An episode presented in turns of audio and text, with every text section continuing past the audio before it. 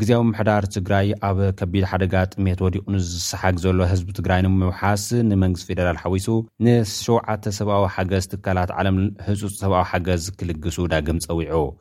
ግዝያዊ ምምሕዳር ትግራይ ንኮሚሽን ስግኣት ሓደጋን ቅድመ ድልውነትን መንግስቲ ኢትዮጵያ፣ ንቤት ጽሕፈት ጉዳያት ምትሕብባር ሰብኣዊ ሓገዝ ውድብ ሕቡራት ሃገራት ኣብ ኢትዮጵያ፣ ከምኡ'ውን ንኩለን ኣብያተ ዕዮ ሚኒስትራትን ኩሎን ኤጀንሲታት ውድብ ሕቡራት ሃገራትን ካልኦትን ኣብ ዝጸሓፎ ደብዳበ፣ ምስ መዳርግቲ ኣካላት ብሓባር ብምዃን ኣብ ክልተ ሽሕን ዕስራን ሰለስተን ዘጋጠመ ሓደጋ ድርቅን ሳዕቤኑን ከም ዝፈለየ ኣነጺሩ ኣሎ።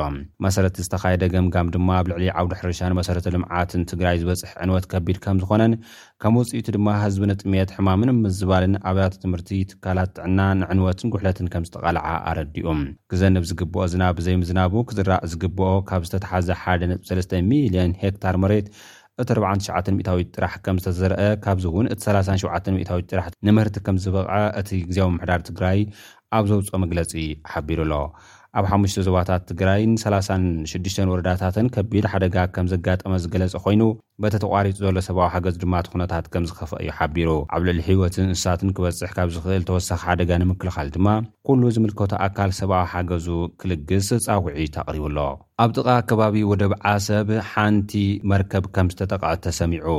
በዓል መዚ ጉዕዞ መራኽብ እንግሊዝ ሓንቲ ካብ መራኽቡ ኣብ መስመር ካብ ወደብ ዓሰብ ሰላሳን ሰለስተን ማይላት ወይ ድማ ስሳን ሽዱሽተን ኪሎ ሜትር ርሒቓ ትጓዓዘሉ ኣብ ዝነበረት እዋን ካብ ተቓለስቲ ሑቲ መጥቃዕቲ ከም ዝተፈጸማ ኣመልኪቱ።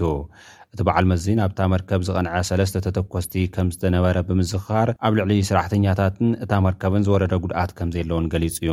ኣብ የመን ዝርከቡ ተቓለስቲ ሑቲ ብመስመር ቀይሕ ባሕሪ ንዝሓልፋ መራኽብ ተደጋጋሚ መጥቃዕቲ ይፍጽሙ ስለ ዘለዉ ብዙሓት መራኽብ በቲ ዝነውሐ መስመር ጽንፊ ደቡብ ኣፍሪካ ክጥቀማ ይግደዳ ከምዘለዋ እዩ ዝግለጽ ዘሎ። ኣብ ኢትዮጵያ ክልል ኣምሓራ ዞባ ዋግህምራ ኣብ ዝርከቡ ክልተ ወረዳታት ዝንቀሳቐስ ዝነበረ ዴሞክራሲያዊ ምንቅስቓስ ኣገው ብዝብል ዝፍለጥ ዕጡቕ ጉጅለ መንግስቲ ኢትዮጵያ ንዘቕረቦ መጸዋዕታ ሰላም ተቐቢሉ ምስ መንግስቲ ክልል ኣምሓራ ስምምዕ ከምዝተፈራረመ ተገሊጹ።